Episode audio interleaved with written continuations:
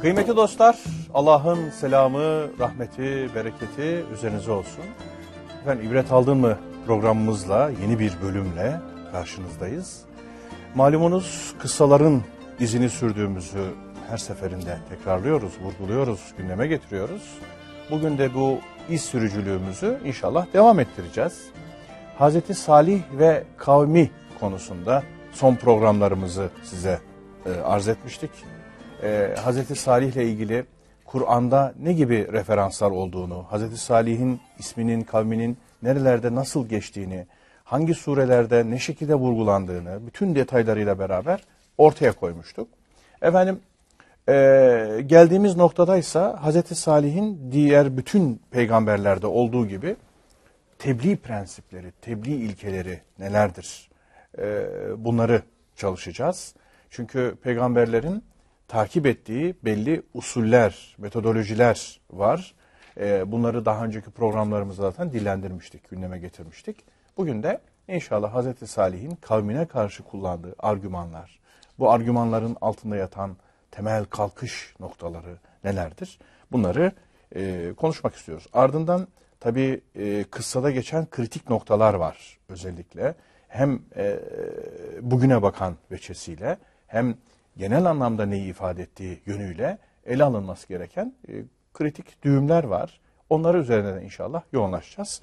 E, Profesör Doktor Mehmet Okuyan hocamla beraber inşallah bu yeni dönemde efendim yolculuğumuzu böylece devam ettireceğiz. Hocam hoş geldiniz, sefalar getirdiniz. Teşekkür ederim. Allah razı olsun. Sağ olun. Sıhhat ve afiyettesiniz inşallah. Elhamdülillah. Siz nasılsınız? Hamdolsun. Çok teşekkür. Allah iyiliğinizi daim eylesin. Hocam az önce özetlediğim gibi Hazreti Salih'te gelip dayandığımız kavmiyle tabii mücadelesinde gelip dayandığımız nokta e, tebliğ prensipleri, tebliğ ilkeleri. Hı hı. E, bu ilkelerde e, diğer peygamberlerle ortak noktalar var ama ondan ayrılan noktalar da var. Bunları e, paylaşırsanız sevineceğiz. Evet. Ben de kardeşlerime hayırlı, feyizli bir program süresi diliyorum. Hazreti Salih ve Hicr ashabı, Semud kavmi, Kur'an-ı Kerim'de oldukça sık kullanılan peygamber ve kavim isimlerinden biridir. 26 defa geçerler. 21 surede böyle detaylı bilgiler diyebileceğimiz bilgiler var. Bunun 10 tanesi çok detaylı olmasa bile 11 tanesi epeyce detaylı. Bundan bir önceki programda o evet. detaylar üzerinde durmuştuk. Hatta 15. surenin Hicr suresinin de adını işte bu kıssadan aldığını beyan etmiştik. Peygamber kıssalarında takip ettiğimiz metot genelde peygamberi kavmini tanıtmak, sonra peygamberin kavmine yönelik neleri tebliğ ettiğini, neleri onlara duyurduğunu e, incelemek, sonra kavminin peygambere verdiği cevabı, Ve cevapları, tepkileri. tepkileri ortaya koymak, sonra o tepkilere peygamberlerin verdiği cevapları dile getirmek ve nihayet e, kıssanın sonu bağlamında o kavim hangi bir akıbetle e, karşılaştıysa ona dikkat çekmek şeklinde böyle bir beş maddeli, beş konu başlıklı bir sunum yapıyoruz. Tabi buraya kadar üç peygamber inceledik. Hazreti Adem, Hazreti Nuh, Hazreti Hud. Bunlarda 30-31 program gidince tabi böyle beş başlık, beş başlık, beş program diye e, yetişmiyor. Detaylandırmak zorunda kalıyoruz. Tabii. Bazı konular, özel konular gündeme geliyor. Onlar üzerinde biraz daha fazla mesai e, harcamak durumunda kalıyoruz. Şimdi bu Hazreti Salih ile alakalı, Semud kavmi ile alakalı da diğer peygamberlerde, onların kıssalarında görmediğimiz bir takım detaylar var. Hani bu detaylar üzerinde niye duruluyor? Böyle sorular da zaman zaman soruluyor. Evet. Ben şahsen Kur'an'la ilgili diyaloğumu, mesaimi ister peygamber kıssaları üzerinden olsun, ister diğer konularda olsun.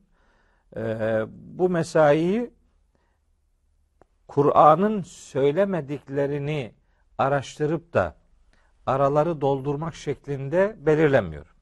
Ben bu işe pek taraftar değilim.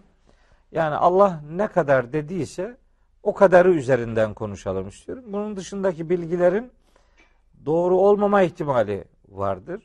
İster bu rivayet yoluyla gelenler olsun, isterse bu rivayetlerin hele peygamber kıssalarındaki e, karşılıklarının önemli bir bölümünün kitabı mukaddes kaynaklı olduğunu bildiğimizden dolayı tahrif edildiğine inandığımız bir e, ana kaynağın bize sunduğu bilgileri çok doğru, çok yeterli, çok belirleyici, çok doldurucu, çok tamamlayıcı nitelikte görmüyorum şahsen. Bu benim metodum, üslubum.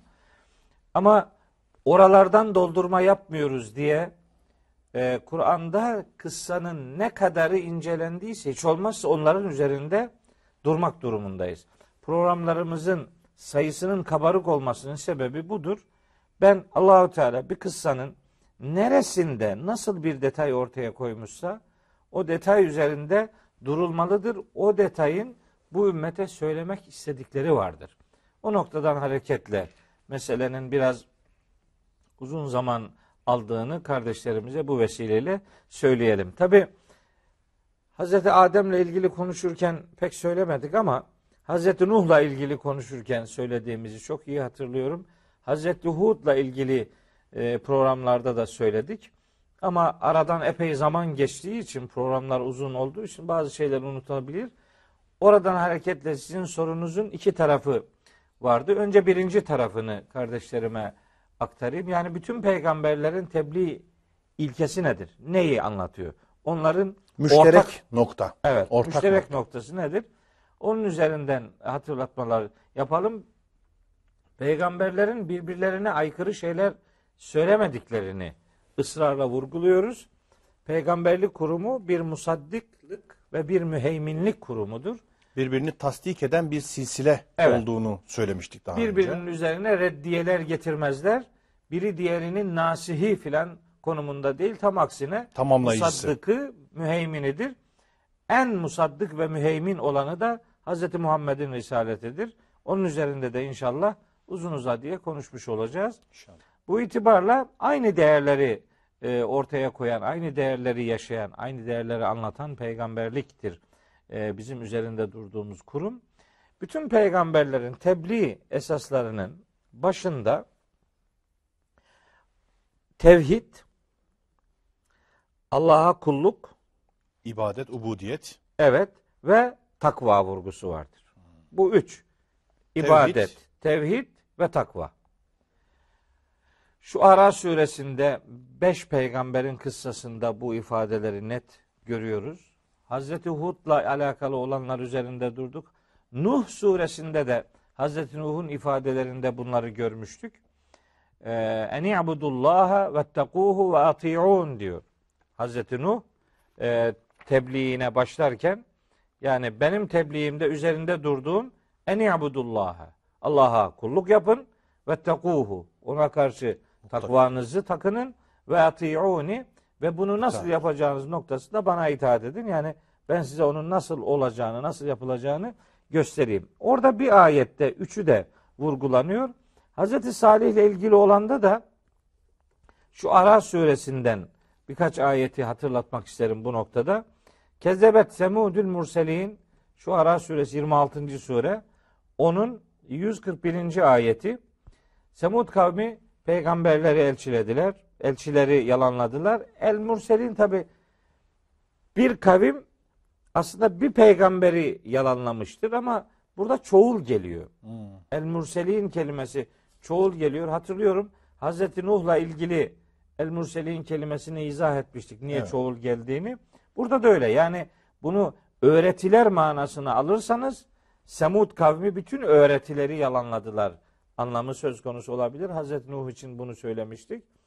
E, elçiler normal peygamberler manası vereceksek de zaten Hazreti Salih ve ondan önceki bütün peygamberlerin bu noktada yalanlandığı mesajının kastedildiğini beyan etmiş olalım.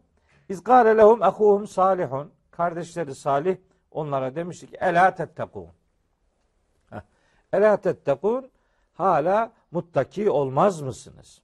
Hala muttaki olmayacak mısınız? Şimdi burada takva vurgusu vardır. Muttaki olmayacak mısınız? Tabi korkmak manasıyla geçiştirildiği için doğrusu çok daha anlaşılmadan hani üzerinden böyle ufak bir değiniyle teğet geçilmiş oluyor. Ela tettekûn vettekûhu ifadeleri diğer peygamberlerde geçen takvanızı takınmamak. Takvanızı takının. Takva demek sorumluluğunu bilmek demek. Muttaki olmak Allah'a karşı duyarlı davranmak demektir. E, bu duyarlılık hem Allah'a karşı ne yapılması gerektiği noktasında önemli bir e, göstergedir. Hem de başka varlıklara karşı duyarlılığı e, takınmak. Şeytana karşı da muttaki olmak lazım. Ona karşı da duyarlı olmak, onun vesveselerine karşı da dik duruş ortaya koyma noktasında önemlidir. Burada takva vurgusu hatırlatılıyor. Ama başka ayetler var. Mesela Araf suresinin 73. ayetinde var. Mesela Hud suresinin e, kaçıncı ayeti? Hud suresinin 61. ayetinde var. Her iki suredeki kullanım da birbirine benziyor. Bir tanesini söyleyeyim. Ve ila semud akahum saliha işte Semud kavmine de kardeşleri Salih'i gönderdik. Kale dedi ki ya kavmi ey kavmim u'budullâhe ma leküm min ilahin gayruhu. İşte burada diğer iki değer üzerine duruluyor. U'budullâhe Allah'a kulluk yapın. Kulluğunuzun adresi sadece Allah olsun. Peygamberlerin hepsinin davetinin temel nirengi noktası burasıdır. Hatta e, cinlerin ve insanların yaratılış gayesinin de sadece Allah'a kulluk yapılması diye belirlendiği ayette verilen mesaj da aslında budur. Zariyet suresi 56. ayet. Mesela Nahil suresinin 36. ayeti var. Orada da bütün peygamberleri içine alacak bir görev tanımlaması yapılır. Orada buyurur ki Rabbimiz Estağfirullah ve lekad ba'asna fi kulli ümmetin rasulen. Andolsun ki biz her ümmete mutlaka bir elçi mutlaka göndermişizdir. Neye hizmet olsun diye? En yabudullâhe. Tek Allah'a kulluk yapın ve bu tağute ilahi olmayan, şeytani olan şeylerden kaçının diye. Kaçının, uzaklaşın. Yani evet. Tevhid vurgusu budur. Allah'a kulluk beraberinde tevhid duyarlılığını e, gerektiren bir ifadedir. Kur'an'da mesela e, tevhid vurgusu din, dini öğretilerin ortak değeri olarak da esaslar olarak da öyle zikredilir. Hı. Mesela ve izakazna misaka beni İsrail'e la ta'budune illallah eder. Yani biz İsrailoğullarından söz almıştık ki Allah'tan, Allah'tan başkasına başka. kulluk yapmayacaksınız. O bildirinin Hz. Muhammed ile ilgili olanı da İsra suresinin 23. ayetinde geçer. Ve kadâ rabbuke ellâ ta'budu illa iyyahu. Rabbin hükme bağlamıştır ki ondan başkasına kulluk yapmayacaksın. Burada iki nokta var. Bir, kulluk, ubudiyet, Allah'a karşı bir boyun büküş, kişiyi Allah'a yaklaştıracak eylemlerde bulunmak ve sadece ona boyun eğmek. Bu bir kulluk boyutudur. Meselenin e, ikinci boyutu ise sadece Allah'a ifadesi gereği bir tevhid e, noktayı nazarı bize sunuluyor. Biz bu öğretilerde önce bu üç değeri görürüz. Tevhid, kulluk yani ubudiyet ve takva. Bu bütün peygamberlerde ortaktır. E, ikinci nokta, yine ortak nokta bağlamında söyleyelim. Hazreti Salih'e özel e, olmadığını beyanla ifade edelim şu Ara suresindeki o kıssaların her birinde geçer. Ayrıca Yasin suresinde Habibi Neccar diye evet. maruf olan o zatın işte tebliğinde kavmine yönelik e, duyurusunda dile getirdiği bir hususiyet var. Orada da geçer. Ayrıca Hazreti Peygamber'in muhataplarına Mekkelilere tebliğinde de Şura suresinde özellikle geçer. Önce yerlerini söylüyorum sonra ne olduğunu ifade edeceğim. Şura suresinin 23. ayeti. Evet. Mesela şu. La es'elukum aleyhi ecra. Bu yaptığım e, hizmetin karşılığında sizden hiçbir ücret istemiyorum. İn ecriye illa alallahi. Benim ücretim sadece Allah'a aittir. Şura suresinin o 23. ayetinde de illel meveddete fil kurba vurgusu vardır. Yani sizden Allah'a yakın olmadaki bir meveddet dışında hiçbir karşılık beklemiyorum. Meveddet işte içini dini değerlerin doldurduğu sevgi diye tarif edilir. Yani muhabbetten öyle bir farkı vardır. Ama yüzde yüzde e, aralarında ortak nokta yoktur. Hepsi bağımsız ifadelerdir demeyelim. Söylenen bu. Hazreti Salih de kavmine diyor ki inni leküm rasulün eminun fettekullaha ve ati'un ben size Allah'ın gönderdiği güvenilir bir elçiyim. Bunların üzerinde daha önce durduk. Ona karşılık Allah'a karşı muttaki olun, takvanızı takının ve ati'uni kulluğu ve takvayı nasıl yaşayacağınız noktasında bana itaat edin. Yani peygambere o anlamda itaat etmek aslında elçiye itaat Allah'a itaattir. Men yuti'ir rasule fakat ata Allah ayeti Nisa suresinin ayetidir. Resul'e itaat eden Allah'a itaat etmiş olur. Dolayısıyla peygambere itaat haşa Allah'la beraber başka alternatif bir varlığa itaat gibi algılanmasın. Allah'a itaatin nasıl olacağının peygamber örnekliğinde ortaya konulmasıdır. Onun için Kur'an'da hep Resul'e itaatten söz edilir. Mesela itaat kavramı nübüvvete pek nispet edilmez. Edilmez. Resul'e. Resul'e, elçiye. Bir de ulul emre. O da var O tabii. da var. Ulul, Ulul emre itaat. Yani insan cinsinden olmalar açısından. Evet o yönetici anlamında o da sizden olan ulul emr ifadesi. Gene Allah'ın dediklerini yapan, Allah'ın emirlerini yerine getiren buyruk sahiplerine itaat de otomatik olarak zaten Allah'a itaati. Allah'a- Beraberinde önce Resul'e Sonra- oradan da Allah'a itaati getirir. Yani bunlar alternatif itaat kurumları gibi algılanmaması lazım.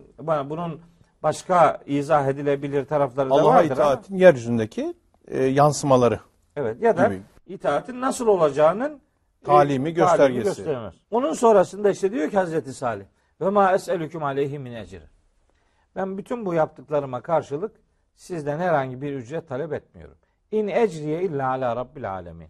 Benim ecrim, ücretim sadece alem, alemlerin Rabbine aittir. Üstelik Burada bir parantez açabilir miyiz? evet O ücretin içini nasıl doldurabiliriz? Şimdi ücret tamam para istememek falan maddi bir şey istemem ama başka şeyler de olmalı. Ücret derken neyi kastediyor? Ecir. Yani eee ilk herkesin aklına gelen işin ekonomik boyutudur. Evet. Parasıdır. Çünkü o, o anlamda Hazreti Peygamberle ilgili iki ayette geçer. Em teseluhum ecren. Sen onlardan bir, bir şey mi istedin de fehum min mağremin muskalune. Yani o o istediğin borcun onları bir borca sokup da ağır bir yükün altına mı soktun? Yani maksat bu şey. Yani ekonomik şey. Çünkü bu peygamberlerin ortak söylemi. Evet hepsinde var. Hepsinde aynı. Hazreti Peygamber'de de özellikle dile getiriliyor. Bu onlardan bir şey istedin de onları ağır bir yükün altında bir borcun muhatabı mı yaptın? Böyle bir şey yok. Öyleyse e, onlara yönelik tebliğini neden ağır karşılıyorlar? Bir ekonomik e, kendine yönelik bir ekonomik talebin yoktur. Ama Başka sanki bunun yani ecir e, yani sevap karşılığı. Sevabını dünyevi karşılık olarak onlardan bekleme. Bunun karşılığını ben vereceğim demek istiyor Allahu Teala. sevabını onlardan beklemek nasıl olur? Yani diyor ki işte Yani mesela şu bugünkü yani yans tezahürlerini tabii düşüneceğim. tabii o- şimdi mesela var ya mesela karşıdaki insana bir şey konuşuyorsunuz adamla muhabbet ediyor veya din adına bir takım sunumlar yapıyor. Ondan beklediği ister ekonomik çıkar olsun veya bir itibar bekliyordur. Bir makam bekliyordur. İltifat bekliyor. İltifat bekliyordur. Ne bileyim her ne bekliyorsa zihni derinliklerinde neyi e, yerleştirmişse ona karşılık kendi sunumlarında bir takım oynamalar yaşanır. Yani ne yapar? Bir hakikati artık gizler. Onda değişmesini e, değişmesi halinde kendisine dönecek olan menfaati zedeleyebilecekse eğer bir sunum O sunumu kırpmaya başlar. Doğruyu söylemez. İşte bazı şeyleri gizler. Onun için Kur'an-ı Kerim'de mutlak inkar manasında kullanılan kavramlardan çok farklı olarak bir küfür kavramı üzerinde durulur. Küfür de bir hakikatın üzerini örtmek demektir. Bir şeyi gizlemek işte. Karşıdaki karşıdakinden illa para beklemen gerekmiyor. Tabii. Ya onlardan aferin de beklemek bir ücret kapsamı içerisinde değerlendirilebilir. Bir makam beklentisi de böyledir. Bir itibar da böyledir. Ve ne bileyim bir şal, şak şak alkış efendim yani aferin sensin ne büyüksün meğer ne erişilmezmişsin gibi bu tür sözlü e, mübalağa ifadeleri de bir ecir, bir ücret kapsamı içerisinde değerlendirilebilir. Meseleyi sadece ekonomik e, noktadan ibaret saymak doğru değil ama Hazreti Peygamber'e yönelik olan o iki ayetteki em teseluhum ecren fehum min mağremin muskalun. Sen onlardan bir para, bir ücret mi istiyorsun da onlar bir borcun içerisinde ağır bir yükün altına mı girmişler? Oradan hareketle anlaşılıyor ki meselenin böyle bir ekonomik boyutu da var. Ama hiç şüphesiz sadece ekonomik ilişkilerden ibaret değil. Demek istediğim türden beklentiler de peygamberlerin hayatlarında hiçbir şekilde yoktur. Çünkü peygamberler Hazreti İbrahim'den öğrendiğimiz gibi peygamberler ümmet oluşturma iddiasıyla görevlendirilmiş insanlardır. Onların şey misyonu ümmet oluşturmaktır. Fakat bu bazen öyle olur ki siz bir grup meydana getiremezsiniz ama bir kişi bile ümmet olabilir. İnne İbrahim'e kâne ümmeten. Evet. Ve İbrahim tek başına bir ümmetti. Onun için karşıdan bir şey beklemek değil, karşıyı da aslında itibarın kaynağının vahiy olduğunu onlara öğretmek, vahiy yüceltmelerini sağlamak değil, vahiy ile yücelmelerini sağlama noktasındaki onlara katkıdır, peygambere katkı değildir. Burada hocam Evet. sizi biraz dinlendirmek istiyorum o yüzden kesiyorum sözünüzü. Buraya bu kadar vurgu yapmamın ya da burayı açmak isteyişimin bir sebebi var. O da şu. E, bilhassa günümüzde din adına konuşan, hizmet eden, ortaya bir çaba bir şey koymaya çalışan insanlarda e, hasbi, tamamen samimi, o anda öyle olmasına e, hükmettiği için, inandığı için, aklıyla, kalbiyle, ferasetiyle, basiretiyle öyle davranmak değil de e, uzun vadeli stratejik planlama, ondan sonra insanları belli yerlerde konumlandırma ve kafasındaki bir plana göre e, satranç oynar gibi onları yerleştirme gibi bir hesaplılık. Yani ben sizden bir ücret Hasbilik değil, Ha, hesabilik. hesabilik. Yani ücret beklemez derken peygamber mesela Hazreti Peygamber'in Mekke dönemindeki davranışlarını ele alalım. Şimdi şöyle bazen okumalar yapılıyor. Hazreti Peygamber müthiş bir stratejisti. Ona göre stratejisini uygulamak için ki stratejisinin nihayetinde Medine vardı. Medine site devletini kurmak için de e, tam Mek- Medine, Mekke'den e, insanları ona göre konumlandırıyordu. Mesela Hazreti Ömer'e davranışı veya onun bazı davranışlarına tahammül etmesinin altında yatan şey Hazreti Ömer'in geleceğe yönelik bir planın e, içerisinde kullanılmasına yönelik hesabıydı gibi. Ben mesela bunun son derece sıkıntılı, son derece problemli olduğunu düşünüyorum. Bir peygamberin ferasetini stratejik planlama gibi algılamak, insanlara davranışını, e, davranışının altında yatan temel saikleri, itici kuvvetleri bu şekilde yorumlamanın müthiş sonuçlar doğurduğunu ve bunun beraberinde bir dünyevileşme, bir kurguculuk, bir yapaylık, bir sunilik, bir misyoner tarzında hareket etme üslubunu doğurduğu kanaatindeyim. Yani böyle bir şeyim var, e, kendimce tahlilim var. E, misyonerlikte öyledir. Mesela ben size çok hürmetkar, iyi davranırım. Niye? Siz çünkü benim ulaşmak istediğim hedefte bir basamağı teşkil ediyorsunuzdur.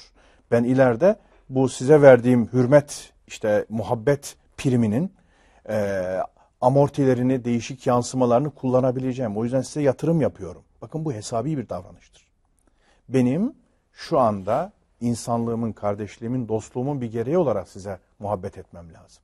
Bunu geleceğe matuf kendi ulaşmak istediğim bir hedefin, bir hesabın e, yansımaları, e, kilometre taşları olarak bu şekilde davranıldığında bu risalet prensibine uymuyormuş gibi hissediyorum. Şimdi Yani peygamberlerde böyle bir kurgu, yani ben şimdi buna böyle davranırsam bunu böyle şurada kullanırım, böyle yönlendiririm gibi bir hesaplılık e, olmadığını düşünüyorum. Bunun nereye kadar yansıması var? Sosyal düzene kadar, efendim siyasete kadar, ekonomiye kadar, dini alanda hakik- hakikati temsil etmeye çalışan insanların mayasının, karakterinin, zihniyetinin bozulmasına kadar varan bir süreci tetiklediği kanaatindeyim. evet Bu kadar. Ücret meselesi. Doğru. Ee, iyi, çok da iyi bir katkı oldu. Hazreti Peygamber'in Mekke'si ve Medeni, Medine'si ile alakalı Peygamberimizin böyle stratejiler ürettiği kanaatine ben de hiçbir şekilde katılmıyorum. Bunlar peygamberin kendisinin tercihleri değil. Tabii. Yani öyle durum bunu gerektiriyor. Şimdilik böyle yapayım falan öyle değil.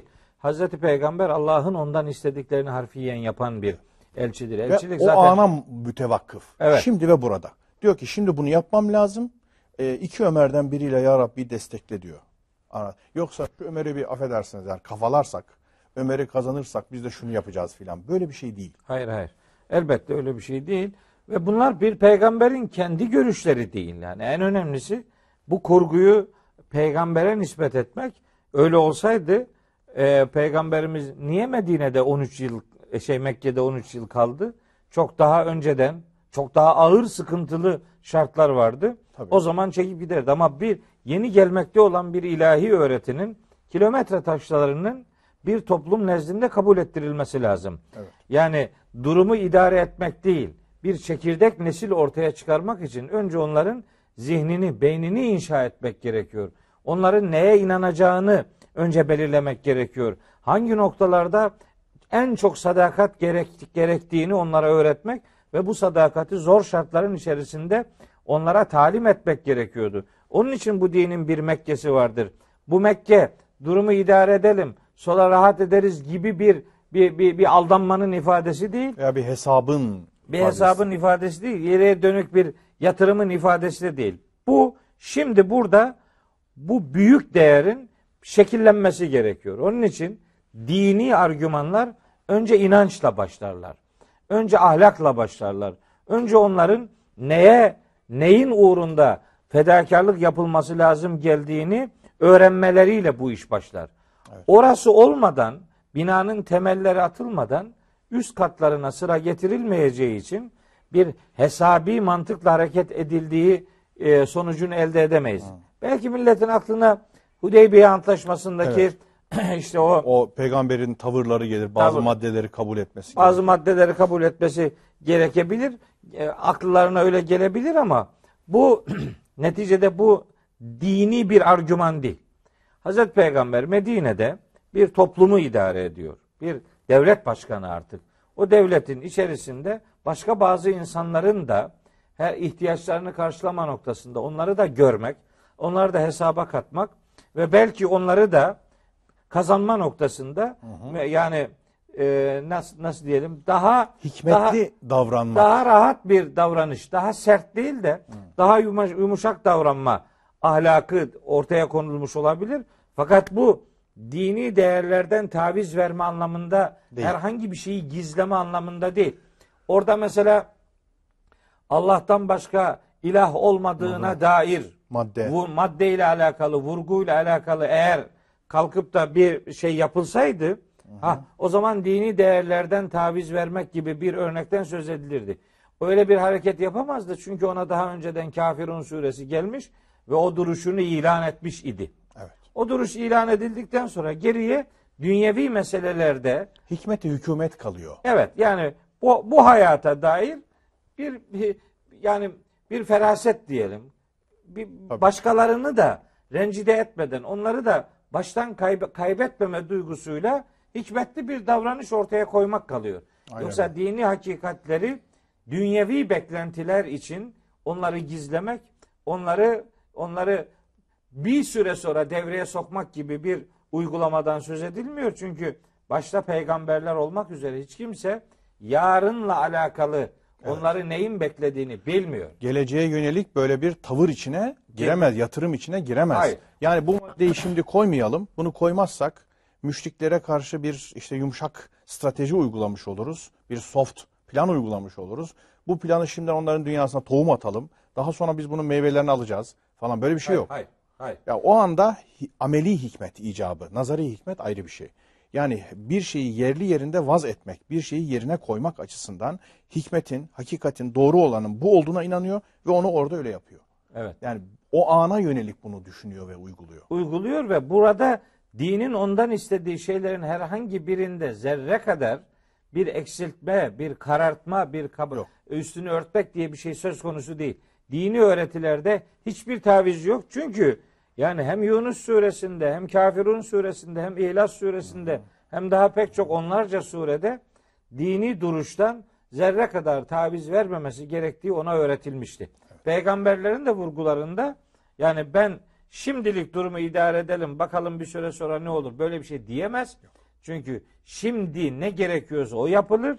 Yarının olup olmayacağını hiç kimse bilmiyor. Başta peygamberler olmak- üzere öyle hesabi bir tutumun muhatabı olamazlar. Peygamberler sizden hiçbir ücret istemezler. Yani hiçbir hesaba, geleceğe yönelik, maddi bir hesaba yönelik davranış geliştirmezler. Evet. Bir kafalarının arkasında, gönüllerinin diplerinde böyle bir hesap, böyle bir şey yatmaz. Çünkü onlar kendi adına konuşmuyorlar. Allah'ın söylediklerini muhataplara iletirken herhangi bir hesabi uygulamanın içerisine girmezler. Allah onlardan neyi ne zaman açıklamalarını istemişse onlar harfiyen onu uygulamışlardır. Dünyevi bir e, ücret beklentisi, maddi manevi ücret beklentisi içinde olmamışlar. Yoktur. Evet hocam bir ara vermemiz lazım. Ee, aradan sonra inşallah birkaç kelam bu konuda bir başlangıç yapacağız. Ondan sonra yolumuza devam edeceğiz. Tamam, inşallah. Evet bir mola veriyoruz efendim. Kıymetli dostlar efendim tekrar merhabalar. Programımızın ikinci kısmındayız. İbret aldın mı programımızda bugün yine e, çok derinlikli sularda inşallah seyrediyoruz. E, bu seyrimizde Hazreti Salih ve kavmine nazar ediyoruz. Hazreti Salih'in diğer peygamberlerde olduğu gibi e, ortak e, tebliğ ilkeleri ve bu ilkelerden nelere yaslandığı hususunu bilhassa açmaya çalışıyoruz. Ki hocam burada bütün diğer peygamberlerle beraber üç temel e, tebliğdeki hedef, tebliğde gözetilen temel ilkeyi e, gündeme getirdi. Bunlardan birisi tevhid ilkesidir dedi. İkincisi ibadet, ubudiyet. Ubudiyet daha geniş anlamda biliyorsunuz. Hayatı ibadet şuurunda yaşamak daha kapsamlı e, ele alabiliriz. E, Hayatı üçün- Allah'ın şahitliğinde, şahitliğinde yaşamak. Evet. Üçüncüsü takva ondan sonra ve buna dair ayetlerden referansları gündeme getirdi.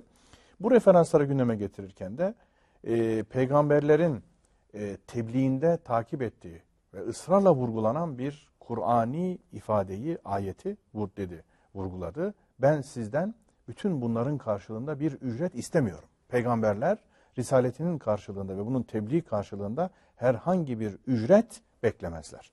Oradan da bir parantez açtık. Dedik ki bu ücret meselesini nasıl anlayacağız? Yani bu ücret meselesi sadece ben sizden para istemiyorum bana bir şey vermeyin. İşte makam mevki, iltifat, şan, şöhret bunları söyledik zaten. İşte bir takım maddi beklenen ama bunun karşılığında bir açılım sağlamaya e, uğraştık, gayret ettik. O da hesaplı davranış. Yani ben şöyle şöyle şöyle davranırsam, bu ilkeleri şöyle şöyle vaz edersem, bu tebliğimi şöyle şöyle yaparsam bunun sonucunda şöyle bir hedefe stratejik bir planlama e, gibi adeta ulaşırım manasında şimdi ve buradayı incitmeden bir duruş sergilemezler, inciten bir durguluş sergilemezler diye gündeme getirdik. Onun e, insan do fıtratını nasıl bozacağını, ihlasa nasıl e, darbe vuracağını vurgulamaya çalıştık, açmaya çalıştık. Orada kalmıştık. Bunları gündeme getirdik. Ama sizin bu parantezin içinde başka daha ilaveleriniz olacak gibi hissediyorum hocam. Yani peygamberler risaletinin karşısında ücret istemezler. Biz de bugün madem peygamberin nübüvvetinin izinde olacağımızı olduğumuzu iddia ediyoruz. İnşallah o yolda olacağız. Bizim de bu prensipleri kendi hayatımızda göstermemiz lazım. Yoksa sadece peygamberleri ilgilendirmiyormuş, ilgilendiriyormuş bu. Bizimle ücret almama meselesi bir bağlantısı yok. Der geçeriz. Tabii tabii bizi hiç ilgilendirmiyor. Çok maharetli konularımızdan biridir bu Yusuf. Evet. Ayetlerin mesajlarını üzerine alınmama. Alınmama. Evet. Hiç bizi ilgilendirmiyor. Büyük bir kısmı diye. Yahudileri ilgilendiriyor. Evet, büyük bir kısmı- kısmı Hristiyanları ilgilendiriyor. Zaten çok büyük bir kısmı kafirleri ilgilendiriyor. Müşrikleri ilgilendiriyor. Bize bir şey kalmıyor zaten. Bir şey kalmıyor. Ama bu ayetleri biz burada okuyoruz. Niyeyse yani bunları ha bunları da niye okuduğumuzun da adresini belirledik. Ölüleri okuyoruz. Evet. Okuyoruz, sevap kazanıyoruz işte. Bir sevap kazanma makinesine Evet. Yaşanması ibadet olan kitabın okunması ibadettire dönüştürdük. Böyle sürekli okuyoruz bunu anlamadan okuyoruz. İşte üzerimize bir şey alınmıyoruz. Şimdi bu ücret meselesi çok önemli. Birkaç bir şey söylemek istiyorum. Tam sözün burasında Hazreti Salih'e onun devesine sözü getireceğiz. Bu program olmasa bir dahaki program getiririz ama çok hassasiyetle üzerinde ısrarla ve inatla durulması gereken bir şey var.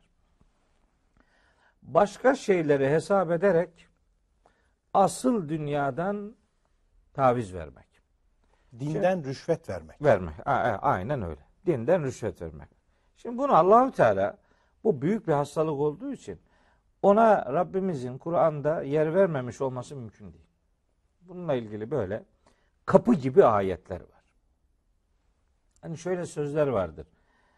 Kaybedecek şeyi çok olanın vereceği tavizi de büyük olur. Evet. Siz şimdi böyle Aynen maddi şeyler filan bir sürü malınız, mülkünüz, itibarınız, efendim debdebeniz, şaşağınız varsa Olmazsa olmazınız. evet yani kendisine hayatınızı adadığınız bir takım kendinize göre değerler üre- üretmişseniz bunları sahiplenme adına sizden istenen tavizleri verir de verirsiniz artık. Ben bunlarla karşılaşmışım Yusuf Bey. Ben kendi hayatımda bunların pek çok örneğini yaşamış bir insanım. Bir makamı mesela bana demişlerdir ki vakti zamanında yani sen bulunduğun ortamda mesela eğer diyelim ki dekan olmak istiyorsan Tabii. bölüm başkanı olmak istiyor. Herkes kendi mesleğinde bunun karşılıklarını bulur yani. O, o her meslek adına bir şey söylemek durumunda değilim. Ben benimkiyle alakalı Tabii. ifade ediyorum. Sen şimdi eğer dekan olmak istiyorsan mesela şu şu şu konulara hutbelerde değinme. Değinmeyeceksin. Ah şimdi be- liste veriyor. Hah. Ha siz şimdi hedefiniz eğer rektör olmaksa gizleyeceğiniz şeylerin sayısı artıyor. Tabii. Siz eğer şimdi Diyanet İşleri Başkanı olmak istiyorsanız daha da artıyor. Bir başbakan veya cumhurbaşkanı olmak istiyorsanız çok fazla artıyor bunlar. Veya bir gücü, kuvveti, bir odağı bir şey ele geçirmek Evet, istiyorsanız. her neyse, Neyse yani işte. neye kilitlendiyseniz onu elde et- etme adına size vaat edilen şeyler daima sizin hayatınızdaki çok önemli değerleri gizlemenize dair bir sözleşmeyi beraberinde getiriyor. Bu ya yazılı olmaz da bu sözlü olur öyle. Tavırlarıyla, söylemleriyle bunu size hissettirirler. Ama Rabbimiz buyuruyor ki biz şimdi dini anlatan adamlarız. Biz öyle hesabi davranamayız. Bizim böyle öyle onu gizleyelim. Buna şimdilik dursun. Bunu, bunu söylemeyelim filan. Başımıza o gelir bu gelir gibi. Bunu yarın söyleriz. İşte bu üç sene sonra olur, beş sene sonra olur. Bak bunu yapan adam bunu yapan adam haşa çaktırmadan Allah'lığa soyunuyor demektir Ha. an, bir an sonrasına dair elimizde bir garanti olmayan bir hayatın muhataplarıyız. Neyi yarına terk ediyorsun? Bugün senden istenen şudur. Bunu hesabına gelerek bugün gizlersen işte şu ayet seni gelir ilgilendirir.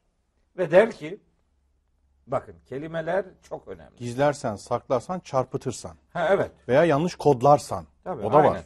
Kavramların içerisini yanlış şeylerle doldurursan, sonra din adına konuyor, konuşuyormuşsun gibi bir hava verip, kavramları dini kavramlar olarak kullanıp ama içini dünyevileştirir ve kendi kafana göre şekillendirirsen, seni dinleyen insanlar Allah'ın sözünü dinliyormuş gibi dinlerler ama Allah'ın dediğini asla anlamazlar. Ben sıfın olayını öyle yorumluyorum bu mesele bağlantılı. Mızrakların ucundaki Kur'an meselesini biliyorsunuz. Hatırlarsınız. Mızrağın ucundaki Kur'an bugün sembolik olarak düşünüldüğünde ayet söyleyebilirsiniz. Hadis söyleyebilirsiniz. Kelamı kibar söyleyebilirsiniz. Hiç önemli değil. Gönlünüzde yatan aslanı perdelemek, onu maskelemek, onu kamufle etmek amacıyla bunları istihdam ediyorsanız işte burada sıffin tekrar yaşanıyor. Aynen öyle. Yani sıffin bitmedi. Tabii. Çünkü onların haricilerin de e, gönlünde yatan aslanlar bambaşkaydı. Gönlünde yatan aslanı bir şekilde kamufle etmek, kabul edilir hale getirebilmek için mızrağın ucuna Kur'an'ı taktılar. Tabii tabii. Aynı mantık. Aynen öyle. Ee, şimdi onun Kur'ancası, Kur'an bunlara temas ediyor. Mesela diyor ki Bakara suresinde bu ayetleri bugün Müslümanlar okuyup anlamayacak. Kim anlayacak bunu? Kimin hayatına ne diyecek? İfade şu. İnnellezîne yektumûne ma enzelnâ minel beyinâti vel huda min ba'di ma beyyennahu linnâsi fil kitabi. Kitapta kitapta insanlar için onları duyurmuş olmamıza rağmen Allah'ın gönderdiği bu hakikatın belgelerini ve hidayet rehberliklerini gizleyenler. İşte buna hesabi davranıp söylemiyor işte gizliyor. Başka bir şey kurgulamış kafasında. Bunu kim yaparsa ulaike bu adamlar var ya yel'anuhumullahu ve yel'anuhumul la'inun. Allah Allah. Allah da bütün lanet edenler de onlara lanet edecektir. Edecektir ve ediyor zaten. Yel'anu fiili yani şimdiki zaman manası verir. O lanet başlamıştır zaten. Evet. Ancak illellezine tabu. Eğer insanlar tevbe ederlerse, bunu yapan, yani hakikati gizleyenler, bu gizlemekten vazgeçerlerse. E ben bunu gizlemiştim ama tövbe ettim. Öyle değil. İllellezine tabu deyip bitirseydi iyiydi. İyiydi. Veya illellezine tabu kelimesi de yetmez. İllellezine istagferu Tabii. demeliydi o Demeliydi. bizim algımıza göre. Özür diledi bitti. Öyle değil. İllellezine tabu gizlemeyi terk etmiş, Hı hı. gizlemenin tersine yönelmiş. Tevbe yönelmek demek. Eyvallah. Vazgeçtiği şeyin tersine yönelmek. Peki ne yapmış olacak? Ve aslahu. O gizlemeleriyle pek çok insanın bozulmasına sebep olmuştu. Şimdi ıslah edecek. Yani onun tersini yapacak. Neyi gizlediyse onu ilan edecek. Ve beyyenu. İşte açık açık o gizlediklerini ortaya koyacak. Tövbe etmek. istiğfar dileğinde bulunmayla olmuyor bu. Bozduğun adamlar var. Onları ıslah edeceksin. Umuma hitaben ifsad ettikten sonra özel hayatında gecenin bir saatinde tövbe etmeyle olmuyor bu iş. Evet. Kimi ifsad ettiysen onları ıslah edeceksin. Senin gizlemenden dolayı bozulan adam Tabii. bu bozulmanın Onun ıslahına yanlış- çalışacaksın. Evet. Onun huzurunda olacak. Kullara karşı günah işleyip Allah'tan özür dilenmez. Kimi bozduysan ona karşı. Kime neyi gizlediysen onlara karşı bu bunu ilan edeceksin diyor. Bakın oradaki yektubune kelimesinin karşılığı burada beyyenu. Beyan. Beyan edeceksin. Beyan edeceksin. Tebeyyün olacak. İş ortaya çıkaracak. Aşikare olacak. Olacak. Gizlemeyeceksin yani. Feulaike etubu aleyhim. Ben böylelerinin yönelişini kabul ederim diyor. Eğer samimi olarak dönmüş, ifsadı ıslaha dönüştürmüş, ketmi beyana tebdil etmiş.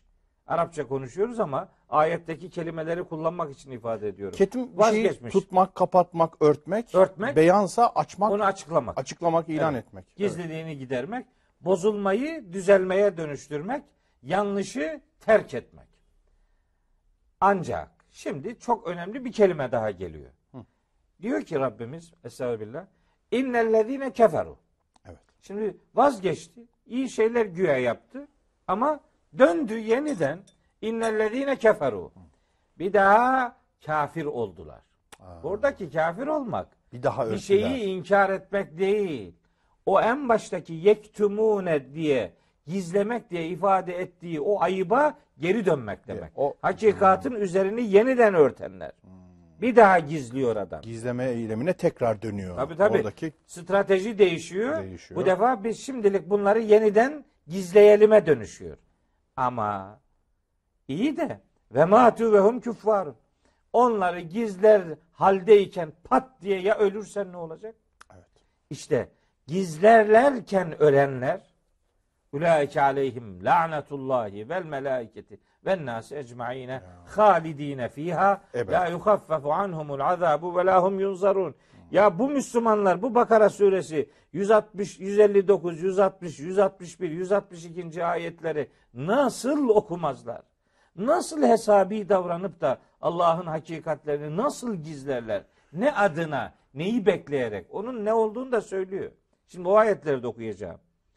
Bu adamlara lanet vardır. Allah'ın laneti de, meleklerin laneti de, bütün insanların laneti de bunlar üzerine olacaktır. Ve onlar o lanet içinde halidine fiha. ya O lanet içinde kalacak bu adamlar. Allah'ın laneti, Allah'ın lanet ettiği bir adamın rahmetle buluşma ihtimali var mıdır? Bitti işte. La yuhaffefu anhumul azabu. Bu bu tadı kaçmışlık onlardan hiç hafifletilmez. Ve lahum yunzarun. Onlara zaman da tanınmaz, suratlarına da bakılmaz diyor Allah Teala. Allah Allah Allah muhafaza etsin. Ha, Hocam. Şimdi o bir şey daha e, bir tane daha söyleyeceğim. Ondan sonra bir bahis açacağım ben Ha. bu konuyla müteradif. Evet. Şimdi bir, bir ayet daha var. Bu burayla alakalı. Bu gizleme çok büyük hastalık çünkü. Bir şeyi bekleyerek hakikati gizlemek. Bir şeye odaklanarak Allah'ın dini adına ortaya koyduğu bir gerçeğin üzerini örtmek. Buna küfür diyor. Bunu yapana kafir diyor Allahu Teala. Bu bir şeyi inkar etmek demek değil. Bir şeyin üzerini örtmek demektir. Her ne adına olursa olsun. Şimdi o ne adınalığın içini dolduruyor bu defa başka bir ayette. İnnellezine yektumune ma enzelallahu minel kitabi. Bak. Allah'ın kitabında indirdiği hakikatlerin her birini, herhangi birini oradaki ma edatı olum e, şey e, mutlak umum ifade eder. Alel- ne ise yani. Evet. Hangi bir şey ise büyükleri gizlemek, küçükleri ilan etmek, ortaları ilan öyle bir şey yok. Genel. Ma ismi mevsul mutlak umum ifade eder. Hangi biri ise Allah'ın indirdiği hakikatlerin herhangi birini gizleyenler ve bunu da tabii ki şunun için yapanlar ve yeşterune bihi semenen kalilen karşılığında az bir bedel satın alanlar. İşte sizin program birinci bölümünden itibaren ortaya koyduğunuz o ücreti, o, o, o, o dünyevileşmeyi her ne adına, her neyi bekleyerek, her neyi hesap ederek olursa olsun Allah'ın kitabı ve onun cennet vaadinin karşılığında o beklentilerin hepsi az bir semen demektir. Az bir bedeldir yani. Dünyalar senin olsa Allah'ın ikramının karşılığında o gene azdır ve Kur'an ona az bir semen ifadesini kullanır. Peki aldı adam. ister para olsun, ister makam olsun, ister neyse, neyi kurguladıysa, ona ulaştıysa. Ulaike ma yekulune fi butunihim illen nara. Onlar karınlarına sadece ve sadece ateş dolduranlardır. O makam onun ateşi olur. O koltuk onun cehennemi olur. O yemek onun e, karnına cehenneme yönelik bir ön daveti olur. Sadece bu kadar değil.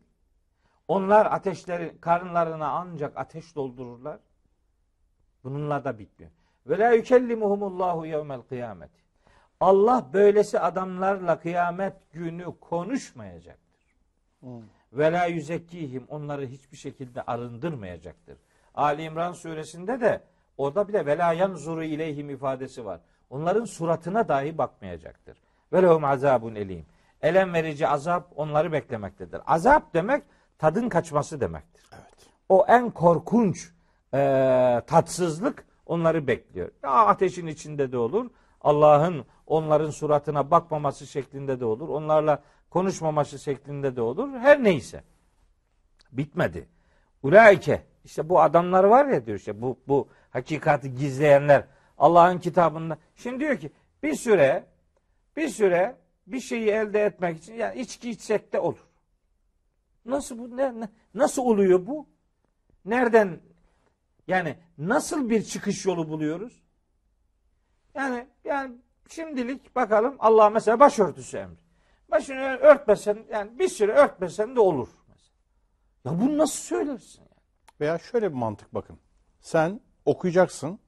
İleride makam mevki sahibi olacaksın.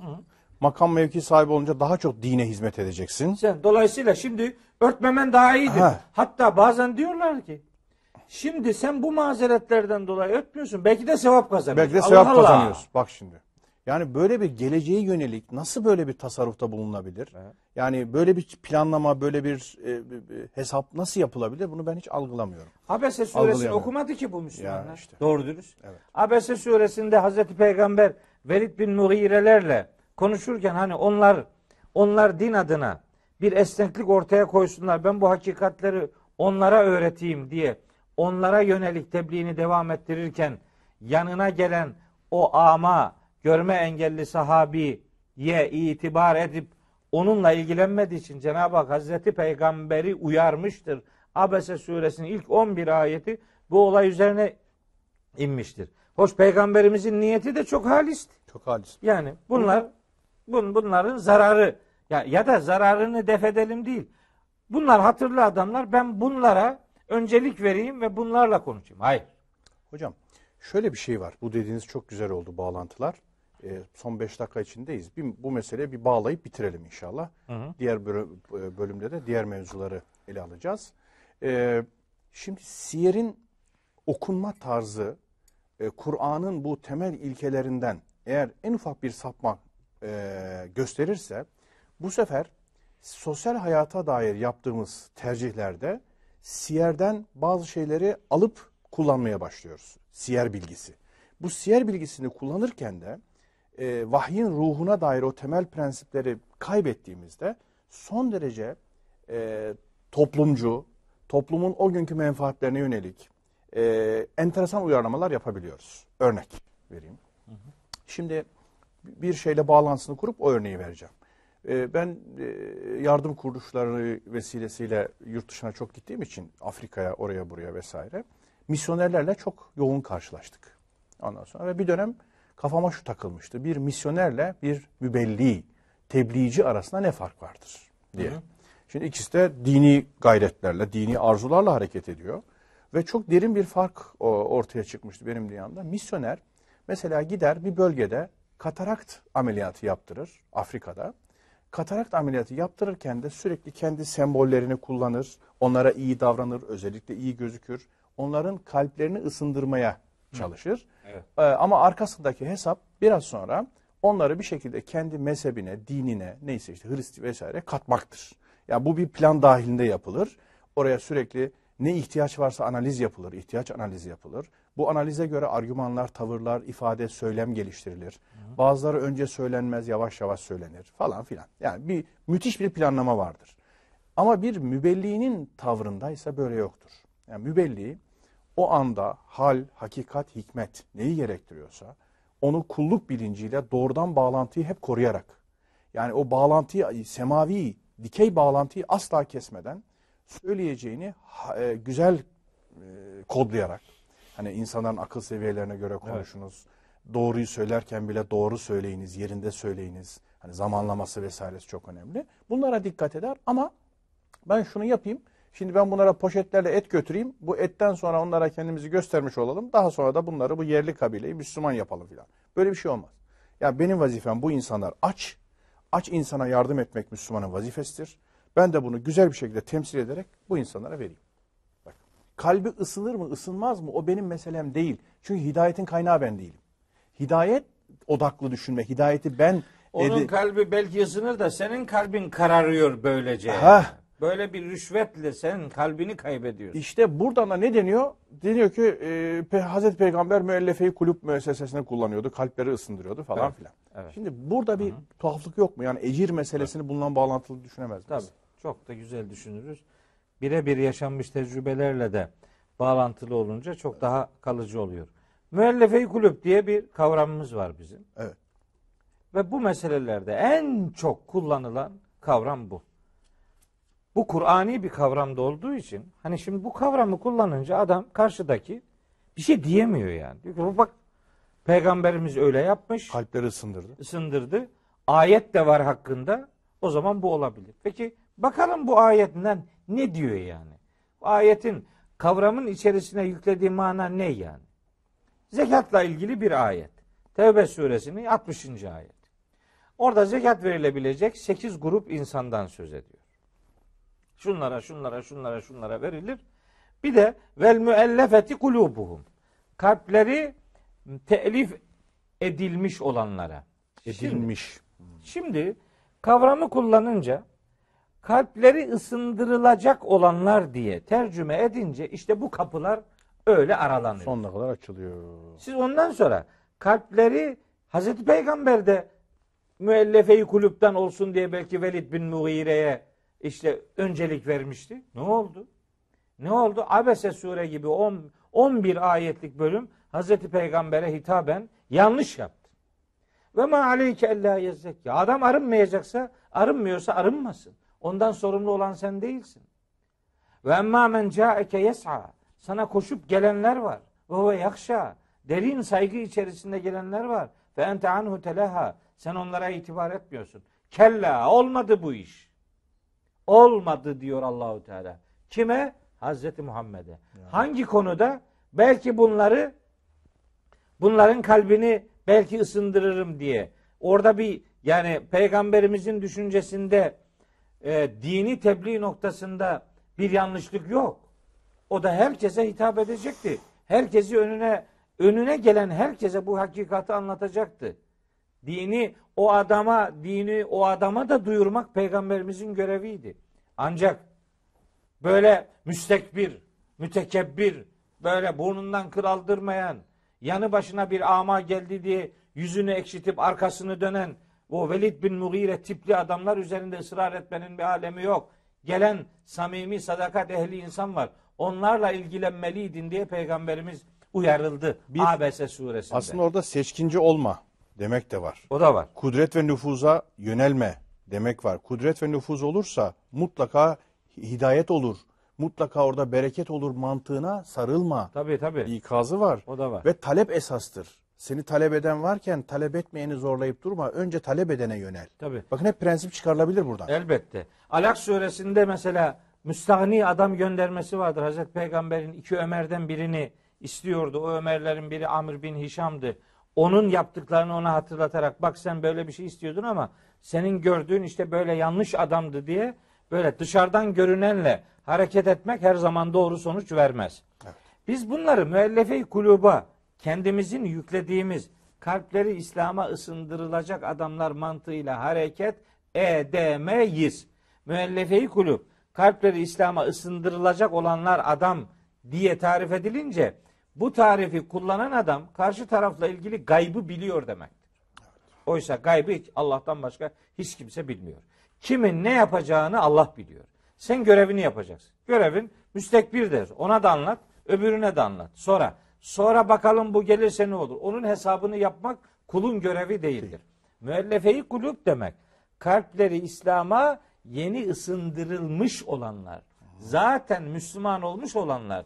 Şimdi ayetlerin indirildiği ortamı düşünün. Mekke'yi düşünün, Medine'yi düşünün. Mekke'de de Medine'de Müslüman olmak öyle yiğitlik isteyen bir e, değişim idi. Gerekiyordu malını terk edeceksin. Ocağını terk edeceksin. Canını- Canını terk edeceksin. Ananı, babanı, oğlunu, eşini terk edeceksin. Her tarafı, her şeyi bırakacaksın. Evet, bunu yapan yiğitler İslam'a gelip Müslüman olup top- İslam toplumunun içine girilince ekonomisi yok, hiçbir şeysi yok. Yüreğini Allah'a satmış adamlardır müellefe-i kulüp. Onlara sahip çıkma anlamında zekattan onlara pay verilmesinden söz ediliyor. Bir rüşvet gibi algılanacak herhangi bir diyalogtan söz edilmez. Müellefe-i kulubu kazanılacak adamlar diye tarif edemeyiz. Bir de zekattan. Kazanılmış. Bir de zekattan vergi bu. Allah adına verilmiş. Ya Yani altında da tamamen dünyevi bir kazanım, bir şirket ilişkisi vesaire değil. hiçbir şekilde yok. Değil. Bakın bu dünyevi ilişkiden hasıl olmuş para ya da olacak para menfaat değil.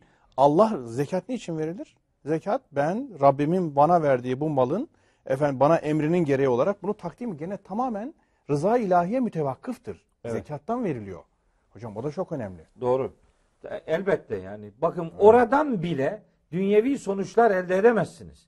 Yani milletin Allah'a yakınlaşmak diye verdiği bir iba, ekonomik ibadet miktarını yani kör kuyuya atamaz. Atamaz. Bakalım buradan belki bir şey gelir. Öyle bir şey yok. Bu bir adresi belli olan ibadettir zekat. Böyle ortalama havaya, hayale terk edilemez. Bunun kime verileceği bellidir. Ve Müslümana verilir bu.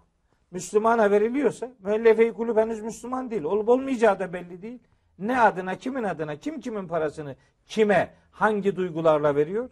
Ondan sonra ya olmadı Müslüman ne olacak? Öbür adamın zekatı yerine gelmedi. Sen adamın sana emanet ettiği bir parayı ehline vermemiş olmakla onun ibadetine de engel oldun. O adam da ibadet yaptığını sanıyordu. Oysa onun da borcunu vaktinde muhatabı, doğru muhatabı seçip onlara ulaştırmadığı için onları da borçlu bıraktı. Müellefe-i kulüp kavramı böyle flu bir kavram değildir. Ama kullanırken maalesef işte belli kavramların içini maalesef boşalttığımız için bunları Aklına estiği gibi kullanıyor adam. Kar daha sen. Karzı Hasen mesela evet. O da öyle. Onun da onun da içi boşaltılmış. Kar daha sen işte Allah rızası için birbirine borç vermek. Hayır. O değil. Kar daha sen de Allah'a borç vermekten söz edilir. Allah için borç vermek değil. Kur'an'da kullan beş defa geçer o. Kur'an'da kullanıldığı beş yerin beşinde de doğrudan Allah'a verilen borçtan söz edilir. Evet bir insana veriyorsunuz ama karşılığını Allah'tan bekliyorsunuz. Ondan geri almak üzere verilen borç değildir kar daha sen. O, ay- o ayrı bir şey. Ona verirken doğrudan Allah adına veriyorsunuz. Allah adına O veriyorsunuz yüzden- ve karşılığını Allah'tan bekliyorsunuz. Onu ondan almıyorsunuz yani. Ben nasıl alacağım diye bir beklenti asla yok. Asla Bak yok. gördün mü? İş- O- İşte işte. yani Adam öyle- Karzı Hasen'de bulundum diyor. 3 ay sonra alacağım diyor. Ha, yok onun adına karda hasen denmiyor. O birbirine borç vermektir. O da güzel bir haslettir. Ne güzel hocam. Onu kö- kötülemiyorum tabii millet. Ama karda haseni doğru anlamadığımız için başka bazı alternatif şeyler üreterek kavramın içini boşalttık. Mesela şöyle diyor. Bir adama geri almamak üzere 100 lira vermektense karda hasen yap geri almak üzere mesela 1000 lira ver daha iyidir. Hayır. İşte bu böyle değil. Çok enteresan. Evet. Tamamen değişmiş yani. o birincisiydi Karda Hasan. Geri almamak üzere veriyorsun. Ha o. Karda Hasan oydu. Ama gel gör ki ayette olmayan bir edatı İlave edip. ayete ilave ederek oradan yeni bir anlayış ihdas ettik.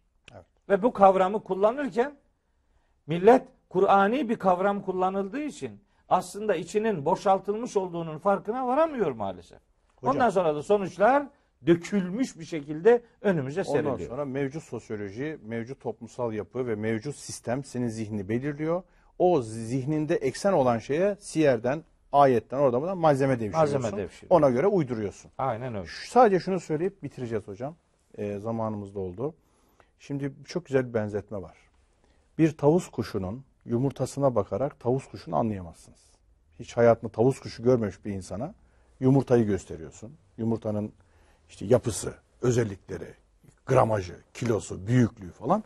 Bak diyorsun bunun içinden böyle böyle bir muazzam kuş çıkıyor. Adam hiç görmemişse bunu hayal edemez.